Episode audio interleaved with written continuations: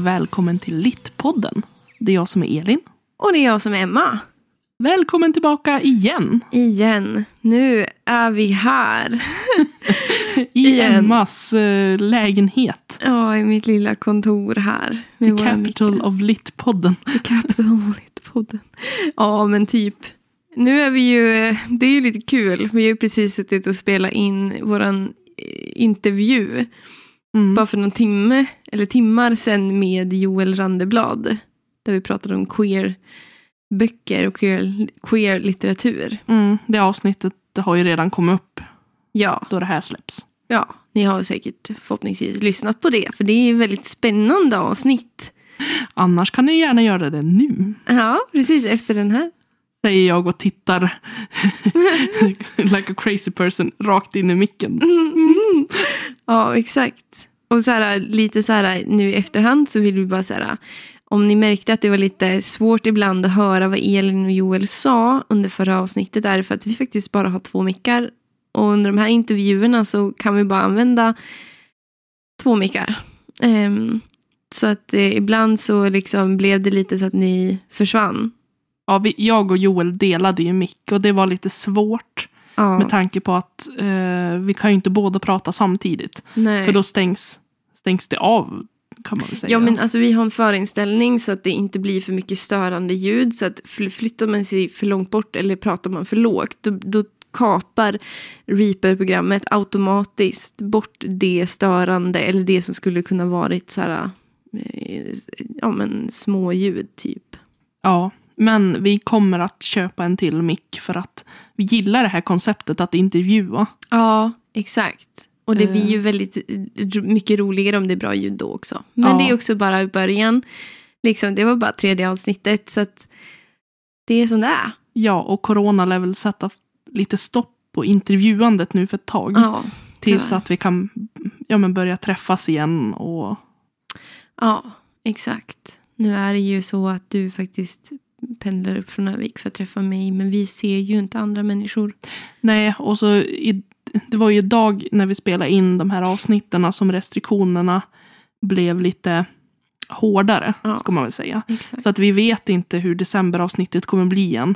Ska vi väl säga. Att vi hoppas att det kommer bli som vanligt. Att vi kan spela in som vanligt. Men vi får se hur det utvecklar sig. Vi måste ju följa de, de rekommendationer som släpps. Men det är väldigt intressant det här med covid-19, för att det är också det här med eh,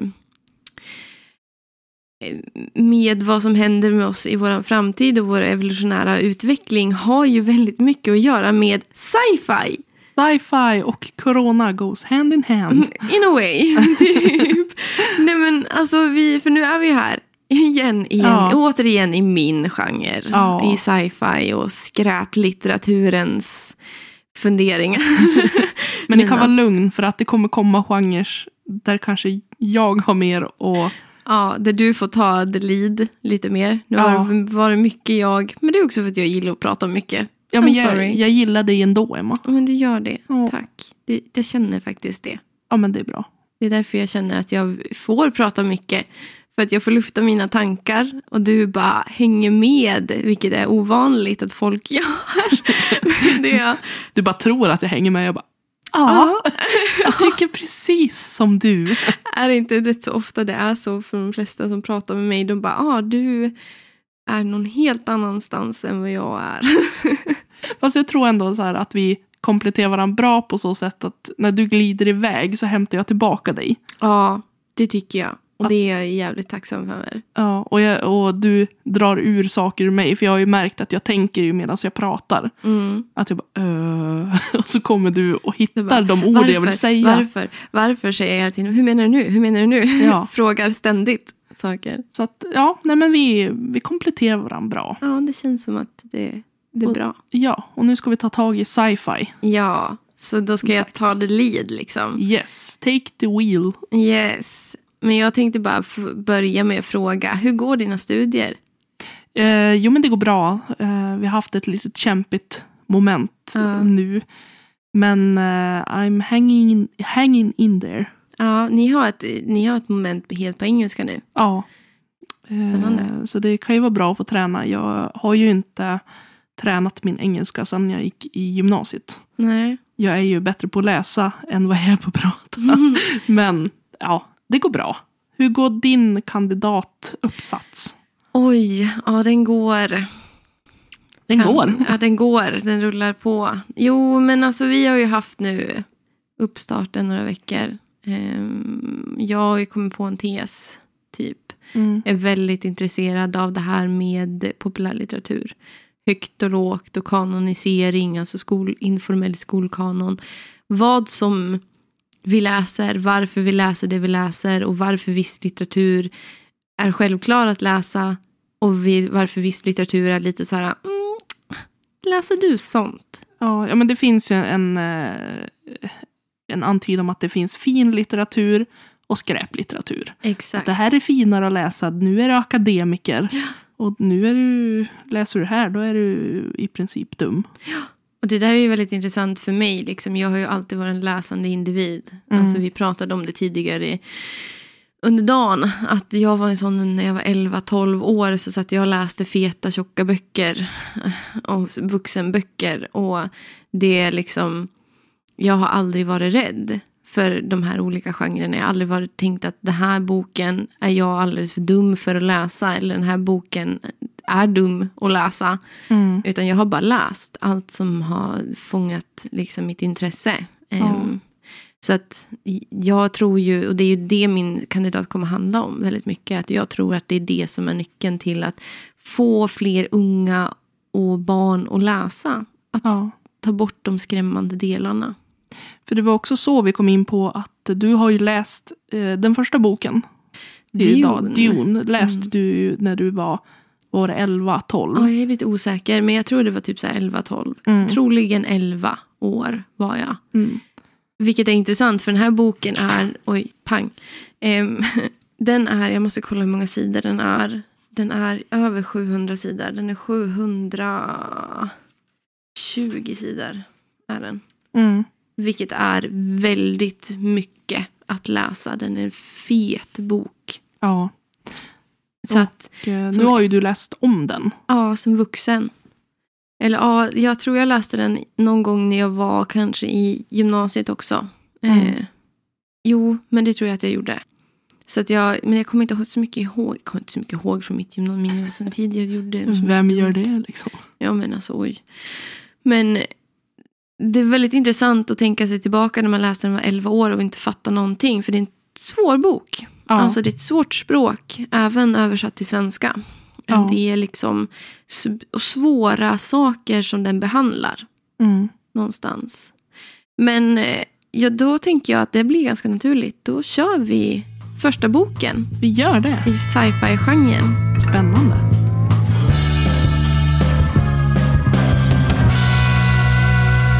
Take you with me down or up into the sky and the space. Dune som är skriven av Frank Herbert. Ja. Och jag vill bara säga att jag har ju inte läst den här. Eh, jag har inte läst Dune tills Nej. idag. För att ehm, jag har varit upptagen att läsa Liftarens guide till galaxen. Ja. Vi sänkte kraven lite grann på oss själva till den här gången. Eh, ibland hinner vi inte läsa tre böcker. Nej. Och det, vi är inte mer än människor. Nej, och det är liksom så här, tänker jag, att dumt av oss att säga vi ska läsa tre böcker till varje avsnitt och så bara, ja vi får se. Så vi säger så här, vi läser de böckerna vi känner för, Ja. som är relevanta för det vi vill prata om och ni får bara hänga med. Ja. Kul! För er och för oss. ja. Så att det här blir ju så att du får ju berätta för mig vad du har hittat i Dune. Och vad Ja. Dune är och vad Mm. den handlar om. Ja, för Dune är ju väldigt, väldigt speciell. Mm. Jag hade en kursare nu under, under eh, höstterminen som var lite rolig. Vi känner inte varandra sen förut. Och sen så sa han vad han kanske funderar på att skriva om för någonting i sin C-uppsats. Och så sa han bara, ja men jag tänker prata om typ maktförhållandena i, i boken Dune av, av Frank Herbert då. Eh, och jag bara, excuse me?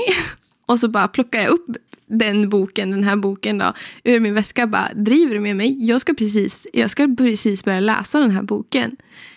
Och det var lite, det är lite roligt för att jag tror de flesta som är intresserade av sci-fi och typ sådana här böcker, som kanske har läst Dune förut, Mm. har valt att läsa om den boken nu. För egentligen var det tan- tänk, tänkt att det skulle släppas en ny film av, av liksom den här första boken i Frank Herberts eh, Dune-serie. Um, som också heter Dune. Den finns redan som en film så från 70 80-talet. Så lite, den är lite ro, ja, den är lite konstig. Ja, men det ska göras en ny version nu. Ja, en ny filmatisering av den som är, såg så förbannat bra ut på trailern. Alltså. Men den blev ju på grund av corona då, uppskjuten till eh, hösten 2021, oktober där. Mm. Lite trist för mig, typ lite deprimerad och besviken.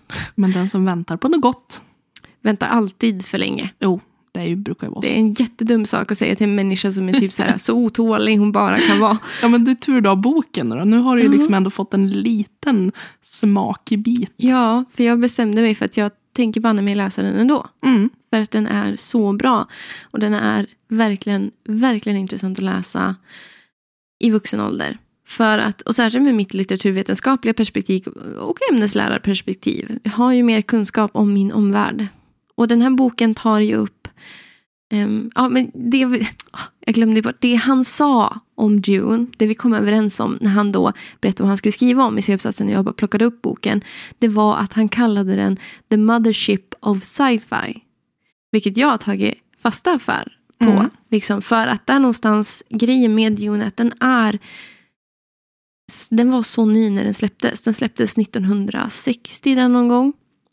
Eh, och den gav ett helt nytt perspektiv på sci-fi. Sci-fi har ju alltid innan dess handlat väldigt mycket om, ja men ni vet H.G. Wells, eh, Världarnas krig.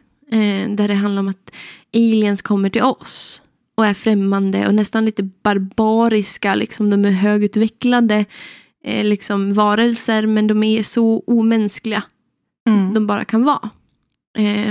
Mycket på grund av deras teknologiska utveckling och kommer för att ta över liksom, våran värld. Eh, eller typ de här gröna eller gröna männen och kvinnorna, marsianerna. Liksom. Det har alltid varit den synen.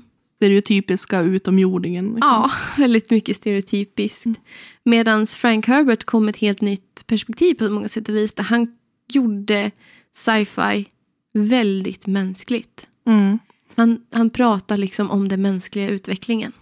Så kan man säga att han breddar vägen för nästkommande sci-fi-generation. Ja, på mycket. Han, han utvidgade se, alltså scenen, eller genren, mm. väldigt mycket för mm. oss sci-fi-älskare.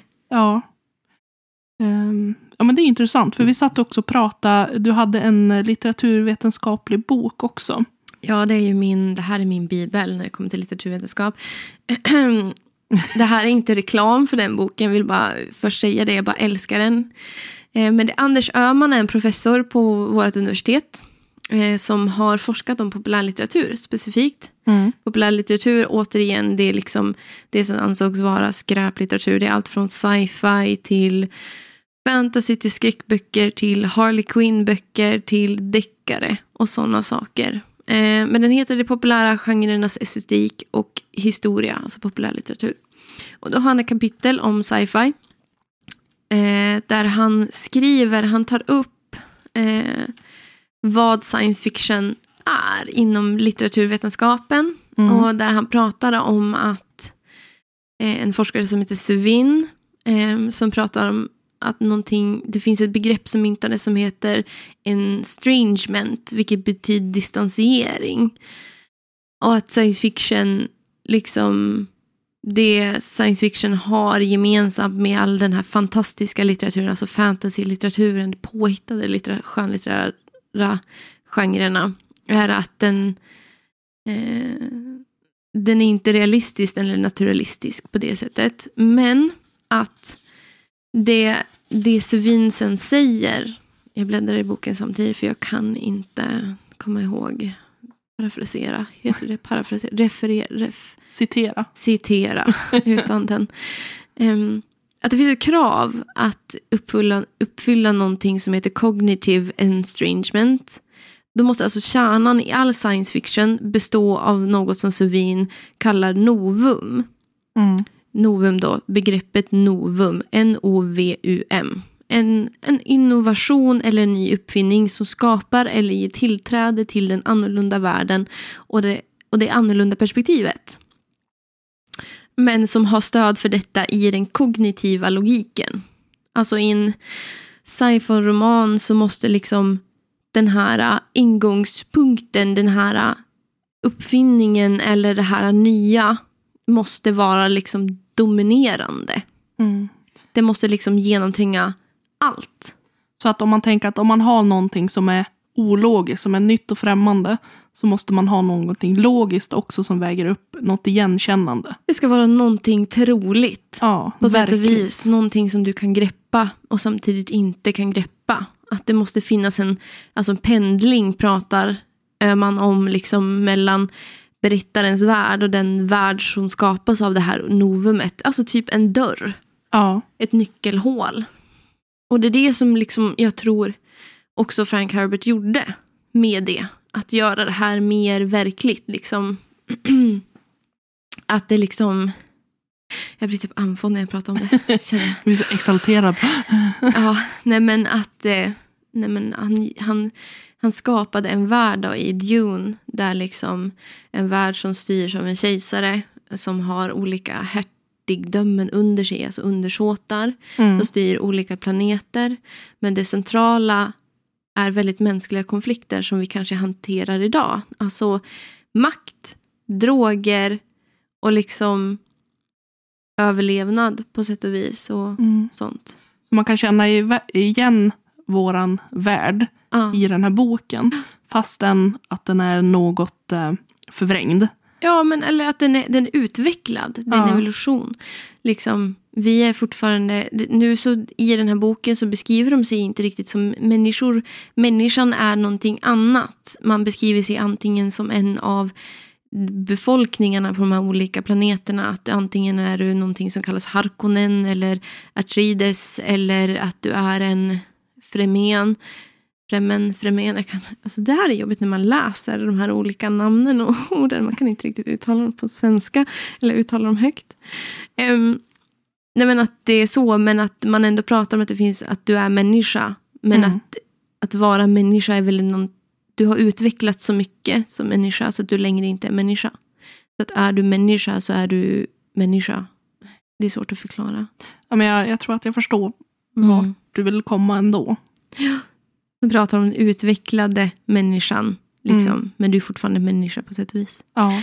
Det är väldigt intressant. Liksom, de tar ju upp också... Ja, men alltså, boken handlar ju om en, en, en då liksom, Det blir en messiasgestalt. Alltså den är väldigt grundad i någonting religiöst. Det ska komma i en bruten sista tid värld kom, ska det komma en messias, en räddare. En, en person som ska ha all makt i världen på sätt och vis. Eh, som är då Paul Atreides. Eh, som blir då liksom eh, strandsatt på en... Eller strandsatt, han, hans familj då tar över härskardömet över en värld som heter eh, Arrakis. Eh, som är en ökenplanet. Och den här Paul då, hans familj upplever men, saker som är väldigt vanliga när det kommer till maktspel. Korruption och manipulation och, och förräderi Mm. och sådana saker. Och från väldigt mänskliga faktorer. Men hans pappa då som är den här härskaren, alltså inte kejsaren härskaren då, han blir mördad av några som kallas harkonerna som också är liksom antagonisterna tillsammans med liksom andra faktorer. Ehm, och Paul då måste fly ut i den här öknen som är liksom omöjlig att bebo förutom av ett, ett stamfolk då som kallas fremener, fremener, fremener då. Mm. Och där det visar sig att han liksom ja, har en super, alltså övernaturlig del i sig själv. Han blir den här messiasgestalten, den här Moabdib tror jag att han kallas genomgående sen i boken. Han Mm. går från Paul till ett nytt namn liksom. Men den här planeten är väldigt intressant. Arrakis har någon, besitter någonting som heter Melanesh. Melan, melange. Alltså wow, svåra namn.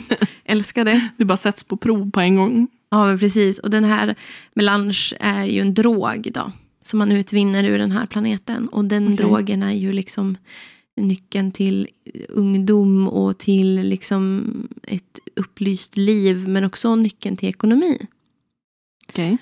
Så har du, har du mycket melange har du också väldigt mycket makt för att du har väldigt mycket pengar. Ja, men lite så är det väl med droger överlag. Även idag. Att Det är väldigt mycket vår ekonomi. ja, man tänker om, tänk om droghandeln helt plötsligt skulle upphöra. Ja. Vad ska hända med våran ekonomi? ja. För att det är en så stor del. Eh, Oavsett om vi vill det eller inte så har det blivit så. Mm. Och att det är en väldigt stor grund till också korruption. Liksom. Oh ja. Och liksom maktspel när det kommer till det. Och det där är väldigt intressant också. Liksom, hur det fortfarande är relevant idag.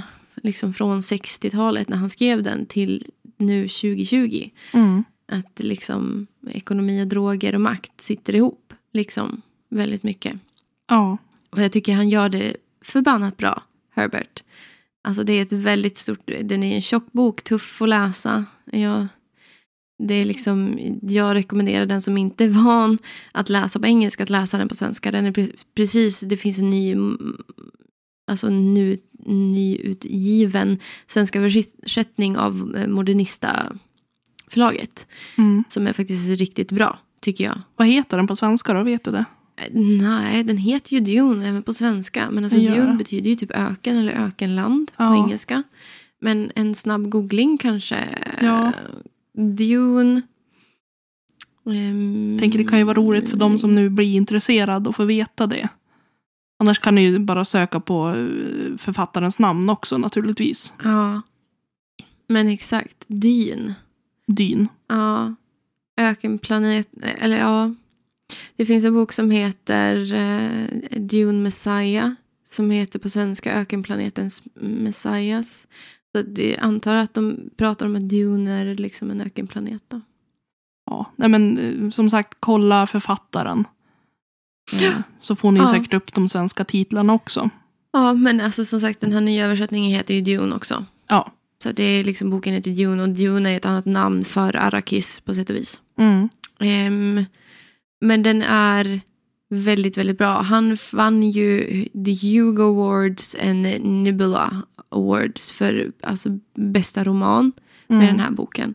Så att den är ju högt ansedd. Liksom, även fast det är sci-fi och skräplitteratur så är den ju högt ansedd liksom, även utöver som, som, inom sci-fi-genren. Just för att den behandlar saker ur från ekokritiska eh, views eller perspektiv. Alltså hur, vad händer när vi tömmer vår värld på resurser? Ja. Eller liksom utifrån, eh, vilket fast jag fastnade väldigt, väldigt hårt för. De tar upp ett genusperspektiv i den här boken som är väldigt intressant. Som jag, det här perspektivet fick jag lära mig nu den här terminen på litteraturvetenskapen. Och då tog de upp någonting som kallas den subalterna Mm. inom det här med genus. Och jag, alltså den, vi, vi skrev ju uppgifter eller protokoll till varje sån här eh, litteraturteoretisk perspektiv som vi tog upp. Och det där gick åt helsike för mig. Så jag vet inte riktigt om jag fattar rätt om det subalterna.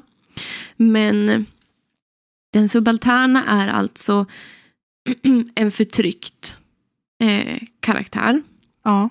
eh, det är begrepp på, ett, på en, en som är ständ, under ständigt förtryck. Men det är inte heller förtryck som att man som kvinna är förtryckt. Eller att man som svart är förtryckt. Eller att man som svart kvinna är dubbelt förtryckt. Liksom. Utan den subalterna är så förtryckt att vi inte kan inse hur förtryckt den är.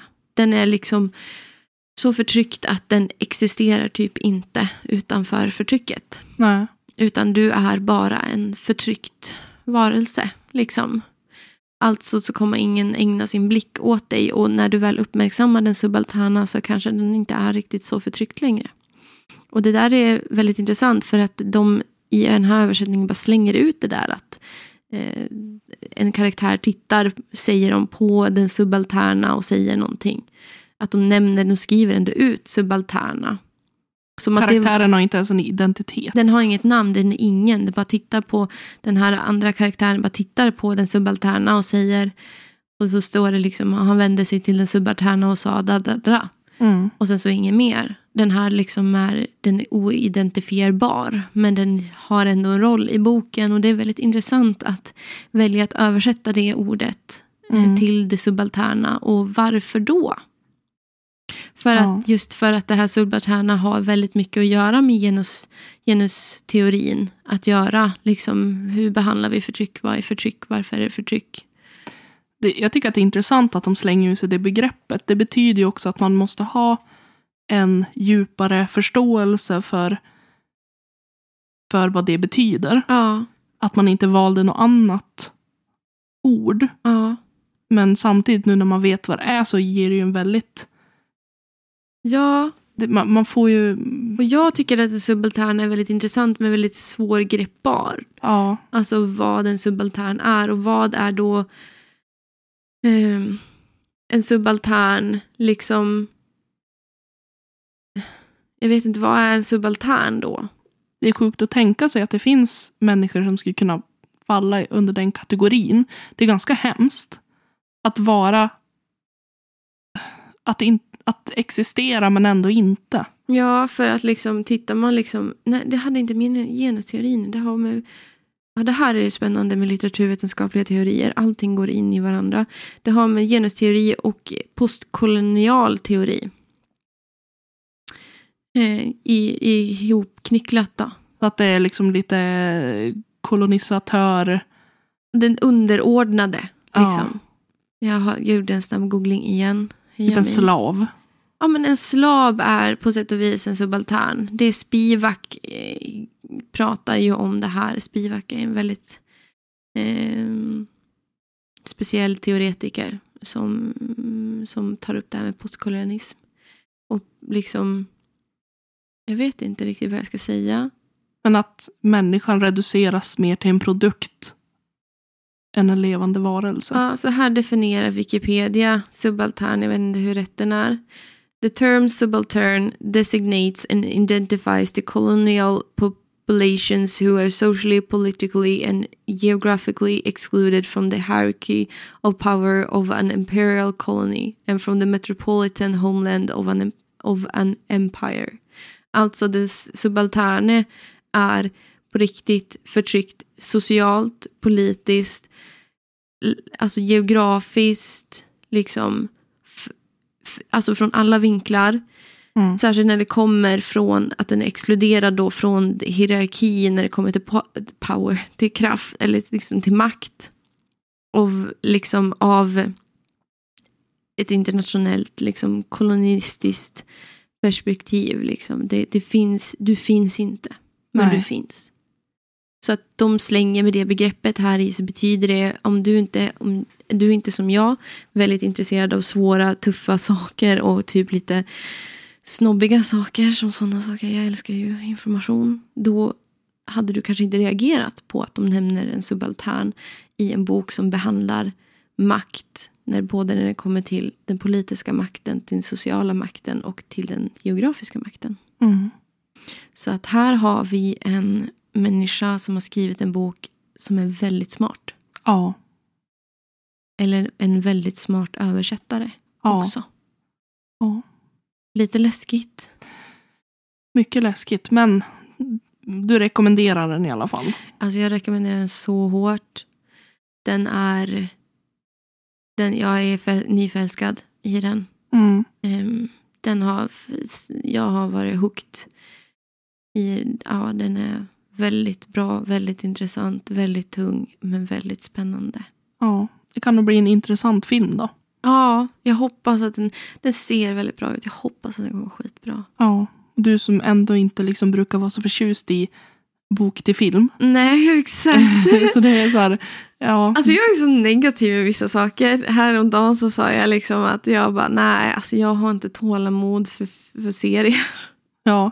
Och jag tycker inte om när böcker blir till film och jag tycker inte om någonting här. Men du, du tycker ju om massa Böcker. saker ändå. Jag tycker om böcker, jag tycker Ma- om dig, jag tycker om min katt. Det. Jag tycker om mer saker också. Så jag, är, Ja, jag gillar ja, men många. eh, alla är vi olika och alla eh, tänker vi på olika vis. Ja. Det finns ingen mall vi måste vara i att jag måste gilla serier. Eller Nej. jag måste gilla vissa typer av böcker. Vi är de vi är. Ja. Och den jag är en person som älskar sci-fi. Ja. Älskar skräck, älskar fantasy, älskar allt som har med fantastisk litteratur. Fantastisk litteratur är ett samlingsbegrepp förresten. För all sån här äh, påhitt-litteratur. Liksom. Hittepå. Hittepå-litteratur. Väldigt eh, fint namn. Fantastisk Ja. litteratur. Men ska vi gå vidare till Liftarens guide till galaxen? Ja!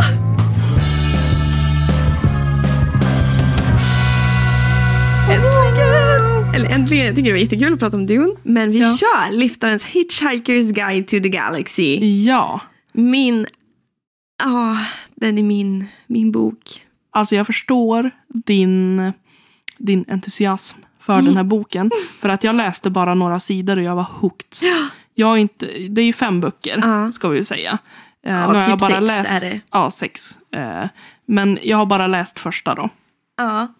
Men jag kommer att läsa eh, de andra också. Ja. Det är bara det att jag har inte haft tid eller ork att liksom hinna läsa alla tills idag. Nej. Nej, och alla sex verk tillsammans, eller alla grejen är det att varför det är fem, sex verk är ju för att fem verk är skrivna, skrivna av Douglas Adams som är författaren till Liftarens guide to the Galaxy, Hitchhiker's guide to the Galaxy. Wow, Emma svengelska. Ehm, men sen så kom det en, liksom, en sjätte bok efteråt som inte skrevs av Douglas Adams utan skrevs, åh jag kommer inte ihåg den författarens namn. Eh, där det typ så här, den heter typ och så lite mer eller så lite till och sen annan grejer. Det var något sånt där den heter så här, Mm. så här by the way, här kommer en till sjätte bok som vart liksom okåad från eh, dödsboet att han fick skriva och publicera den i samma liksom, serie. Okej. Så den hör till men ändå hör inte till. Ja. Liksom. Men wow, vilken bok alltså. Oh. Och jag, jag har ju, jag berättade ju för det här för dig också. Ja. Jag fick ju en aha-upplevelse. Ja, Varför jag inte har dragits till sci-fi specifikt. det var väldigt Och- intressant. Ja, och det bygger lite grann på vad jag sa i förra avsnittet där Ja. vi pratade om skräck. Att jag tycker att det är obehagligt med stora ytor och Ja. mörker. Mm. Och det är väl i princip det hela galaxen. Ja, I rymden. en rädsla för rymd Ja. och, och space. Ska man väl säga. Alltså väldigt stora utrymmen. och eh, Rymden är ju oändlig och det är så väldigt svårt för mig att greppa. Och det finns ju så här fobier för sånt här. Mm. Eh, jag tror att det är därför. Jag, har, jag tycker att det är så obehagligt att Mm. befinna sig i en bokvärld eller en film Mm. där man måste tänka att det, det finns en oändlighet runt omkring. Ja. Eh, men Men då var det lite rätt då att du fick lä- läsa Liftarens guide till galaxen för den är väldigt unik. det, han gör ju det på ett humoristiskt sätt. Han, det är sån jävla jag tror att det är humor. därför jag gillar det. För att Ja. jag, eh, jag älskar ju humor. Ja. Jag, det är ju sånt som win me over så att säga. Och jag tror att det är därför jag tycker om den här boken. Att det Ja. spelar ingen roll eh, eh, att den utspelar sig i rymden. Nej. För att han gör det på ett sånt humoristiskt sätt att jag känner mig trygg. ja, men precis. Eh, och den slutar ju, så den här första boken slutar ju lyckligt i alla fall. Ja. Men den har så många element som jag bara jag älskar. Jag älskar allt ifrån den här babbelfisken. Som gör det möjligt för dig att förstå alla intergalaktiska språk. Ja, de bara petar in den i örat och så Mm. förstår man alla språk. Ja. De här dörrarna som älskar. Det finns dörrar på en farkost som eh, suckar förnöjsamt när du går igenom dem. För de bara älskar att bli använd. Jag älskar att du går igenom Ja. mig. Bara, hur amazing skulle det vara att ha ett sånt hem som bara, man öppnar en dörr och bara åh tack att du är här. Ja, för att du går igenom mig. Tänk Oj, det låter så ego. otroligt sexuellt. Åh, Oh, tänk att du för just gick förbi min tröskel. Eller typ såhär, tack för att du går igenom mig. Bow, Går bow. in i mig. Oh. Mm, oh. Det var inte den typen av riktning jag ville gå. Jag ville, jag ville bara så här, tänk att känna sig som kungen i sitt eget hus. Ja. Och bara, alltså, typ en fanfar. Bara, du är här! Mm, det här. Och så möts man ju av Marvin sen då. Efter de här grejerna som är helt fantastiska. Alltså jag Marvin. älskar Marvin. Marvin är min älskling. Oh, men alltså jag tror han är allas älskling. Marvin är en robot på det här äh, skeppet där allting händer, eller mycket händer. Skeppet heter Heart of Gold eller eh, Hjärta av guld på svenska. Och Marvin är en robot, en, tjänst, en tjänare, en tjänsterobot. En deprimerad robot. Och han är så fruktansvärt deprimerad. Han är så Alltså, deprimerad ja. att... eh, Han kopplar upp sig på det här skeppet då. Eller och på ett skepp. skeppet tar Och- livet av sig. Ja, för den fixar inte hur deprimerande och deprimerad Marvin är. Det här låter jättekonstigt men det här skeppet har ju en egen intelligens kan man ju säga. Ja. Att även om det är ett skepp så finns Mm. det ändå någon form av ehm, AI i den. Ja men precis. Och Mm. det här, den här farkosten blir så deprimerad att den bara tar livet av sig. Den själv dör. Ja. För att Marvin är och det så är tråkig. jättehemskt man skrattar åt det, men det är så här, "Vad ja han är så deprimerad den Ja. stackars lilla roboten. Jag har ju ett favoritcitat av Marvin Mm. som är liksom, eh, handlar också mycket om eh, Trillian. Mm. Som en annan karaktär, där, en, en, en jordkvinna som, ja, hon snurrar runt lite. Ja. Eh, men Marvin tycker om Trillian och hon är typ den enda personen som Marvin tycker om Mm. egentligen. Och han uttrycker det på ett väldigt, väldigt speciellt sätt. Eh, och jag måste bara hitta det vars jag har den. Jag tog ju fram det här och så försvann det nu. Eh, men det, det är väldigt spännande. Alltså jag tycker så synd om han också för att han, han, han är ju så understimulerad. Mm. Han, han skulle ju behöva utmanas mer. Jag tror det är därför han är deprimerad. Mm. Att han, han får inte använda sin intelligens Nej. mer än att vara butler och Ja. hjälpreda. Han, han, Ja, det är det här det är, det är värd. Typ. Ja, och jag bara, men du har sån stor potential. Ja. Marvin, kom hem till mig. Det är så fint. Det här, det här är vad han säger om Trillian. Nu är det på engelska, men Mm. ja. Trillian is one of the least benighledly unintelligent life forms. It has been my profound lack of pleasure not to be able to avoid meeting. Alltså Trillian är den liksom minst liksom Ja, jag vet inte vad jag ska säga. Men han är Han ju väldigt så här, hon är den mest liksom, ointelligenta varelsen som det har varit liksom, hans liksom, lack of pleasure. Bristande... Det går inte att förklara alltså, på svenska. ju, man vet inte om, man ska, om, om hon skulle kunna ta henne som en komplimang eller som en pik. ja, Eh, han kallar henne både ointelligent och han menar det att han hade helst egentligen velat undvika henne. Men han ändå så här, ah, okej. Att Det är inte det värsta han har det är inte det värsta han har varit med om och det är så positivt. Ja, Att han har träffat henne, liksom när det kommer från Marvin. åh Marvin.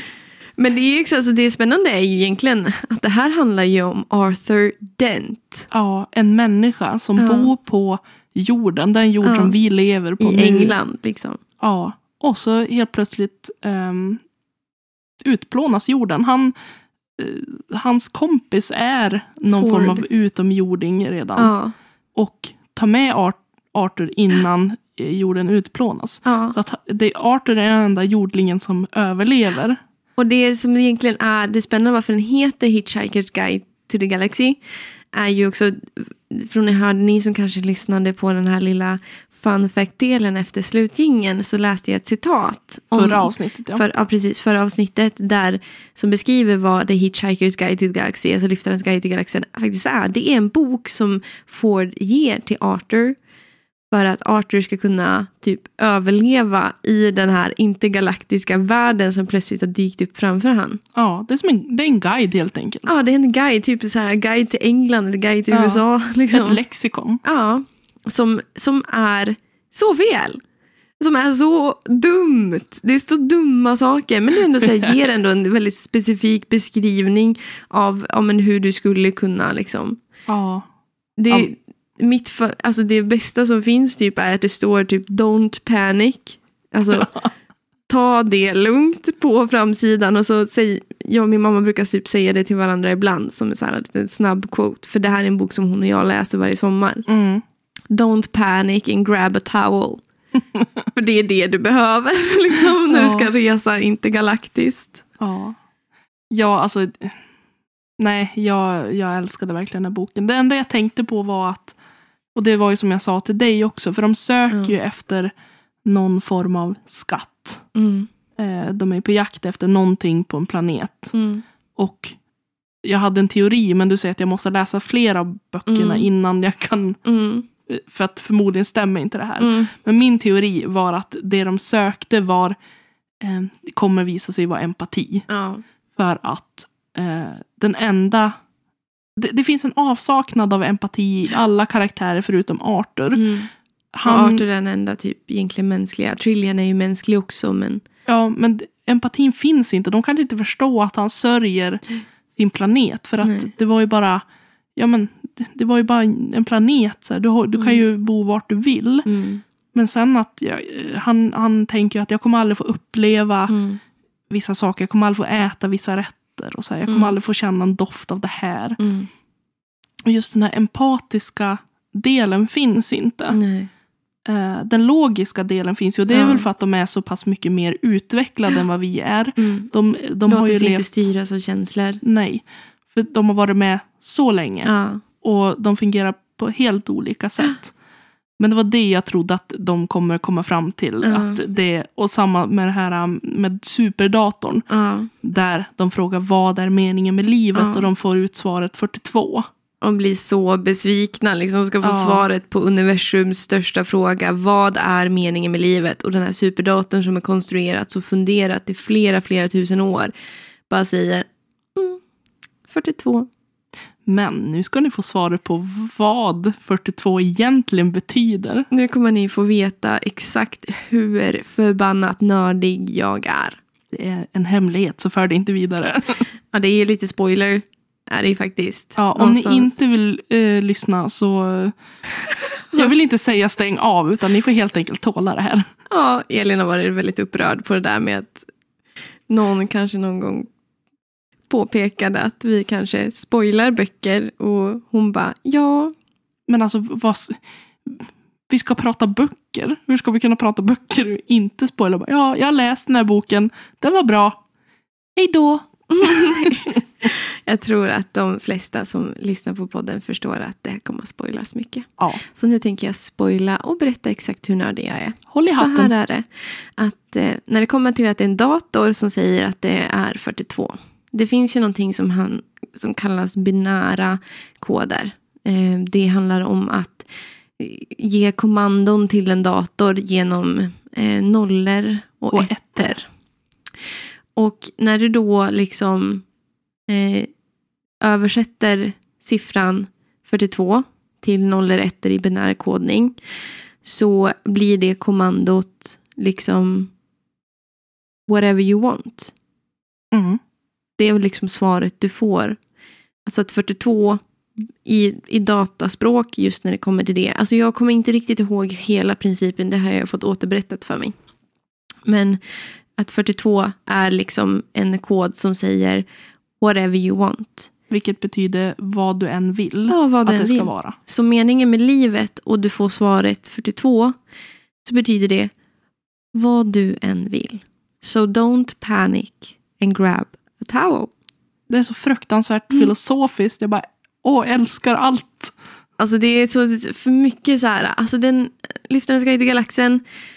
Den har jag läst från barn till vuxen om och om igen. Och det är en, det är en ny bok varenda fucking gång. Liksom. Ja. Det är liksom så mycket små hintar, så mycket sarkasm och så mycket filosofiska frågor och lite så här äh, en, en klapp på kinden många gånger också. Det är en väldigt tröstande bok på det sättet. Han har en väldigt god ton, Douglas Adams. Det är väldigt mycket det här. äh, Det är liksom, det är kaos. Det är det för de flesta, men det är Ja. okej. Det, är li- det, det löser sig. Det Ja. löser sig. Ja. Liksom. Jag har ju den här varma, mysiga känslan i själen och det är Ja. det som är viktigt för mig. Så Ja. att jag är nöjd. Jag är mm. jätteglad för att jag fick läsa den här boken. Jag är så här upprymd. Alltså jag blir upprymd. så... så... så... dåligt. Nej.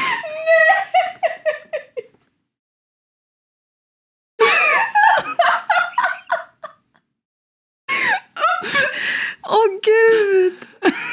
Men Elin! Orimligt nöjd också. Jag bara, rymd. rymd. Alltså jag får typ puls.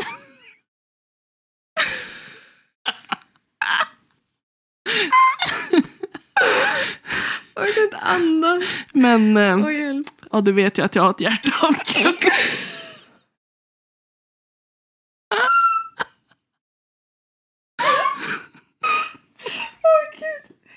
Åh hjälp! Åh herregud, vad är det för fel på dig? Jag ska sluta, jag Nej, lovar. gör inte det. Det var helt underbart. Älskar det. Åh, Och jag blir väldigt exalterad. jag tänkte säga upprymd också. Exalterad över att du älskar en av mina favoritböcker. Ja. För att den här boken är väldigt känslomässig för mig. Det Mm. är hela min barndom, det är hela min tonårstid, det är hela min, mitt vuxna liv. Det här är min, min bok, min och min mammas bok. Det här är en, liksom, det är ett fysiskt tecken på hennes och mitt starka band. För det var hon som introducerade, det är hon som har främjat mitt läsande. Hon och pappa tillsammans. Pappa har främjat storytelling-andan i mig. Att vilja berätta berättelser. Han är en fantastisk berättare. Mm. Min mamma är den som har uppmuntrat mig att läsa. Att alltid läsa och att läsa sci-fi. Alltså hon har ju alltid promotat sci-fi och fantasy och sådana saker. Men också gjort att jag inte är rädd för andra genrer.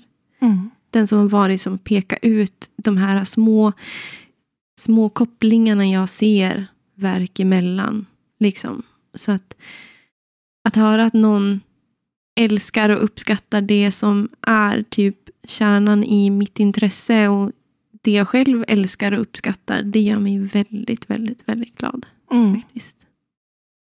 Tack. Men vad roligt. Jag vill tacka din mamma. Mm, Tackar min mamma. Tack. Shoutout till mamma. Shoutout till pappa. Men eh, med det kanske vi ska sätta P Ja, i punkt. Jag skulle kunna prata forever om Ja. den här boken. Men jag tänker att avsnittet blir så fruktansvärt långt. Ja, Att vi, synd. vi vill Eller? prata längre men jag tror inte att, eh, jag tror att det är ganska lämpligt. ja, jag Faktiskt. tycker det också. Ja. Väldigt spännande att prata Dune och Lyfta den sky till galaxen Mm. med dig idag. Ehm, Same to you. ja, och du ska få fortsätta nu. Du har fått låna Salem slott av mig. Ja. Så att den ska du få fortsätta läsa. Yes. Och, och jag tror att det faktiskt är... känns som att vi känner oss redo att fortsätta med skolan. Ja. Och som sagt så får vi se hur decemberavsnittet kommer att bli. Ja. Men vår plan är ju att läsa lite mer julrelaterad litteratur. Ja, Om det blir så att vi kan spela in. ja Ehm, exakt. vi håller tummarna. Och eh, uppmanar alla att hålla distansen. Ja. Tänk, Stay på, safe. tänk på varandra och tänk på dig själv. Ja. Tänk på sjukvården. ja. Ta inga onödiga risker. Nej. För att det är liksom... Och återigen, alltså... Det, vi, vi behöver ta det lite lugnt med Ja. våran planet så att vi inte tömmer resurserna. Mm. Så eh, det var nog allt för oss och ni vet hur det går. Återigen, följ oss på sociala medier. Följ oss på i alla poddappar. Um, Instagram, Håll koll. Fortsätt Facebook. lyssna. Ja, precis. Fortsätt lyssna och tipsa era vänner. Mm. Så, så har vi en väldigt spännande framtid framför oss. Tillsammans. med det sagt så har jag en sista sak som jag ska upprepa för er i våra covid-19-tider. Don't panic. Grab a towel. Grab a mask. Grab a mask. Okej hörni. Ha Tack. det bra. Ha det bra. Hej då.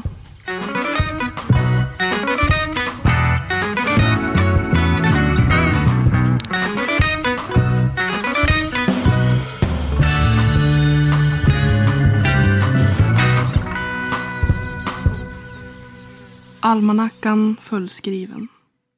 Framtid okänd. Kabeln nynnar folkvisan utan hemland. Snöfall i det blystilla havet. Skuggor brottas på kajen. Mitt i livet händer att döden kommer och tar mått på människan. Det besöket glöms och livet fortsätter. Men kostymen sys i det tysta. Det här var dikten Svarta vykort av Thomas Tranströmer. Ni har lyssnat på Littpodden med mig, Elin Oslin och Emma Granholm. Musik och klipp av Magnus Kjellson och Robert Granholm. Management av Ida Berglund. Tack för att ni har lyssnat.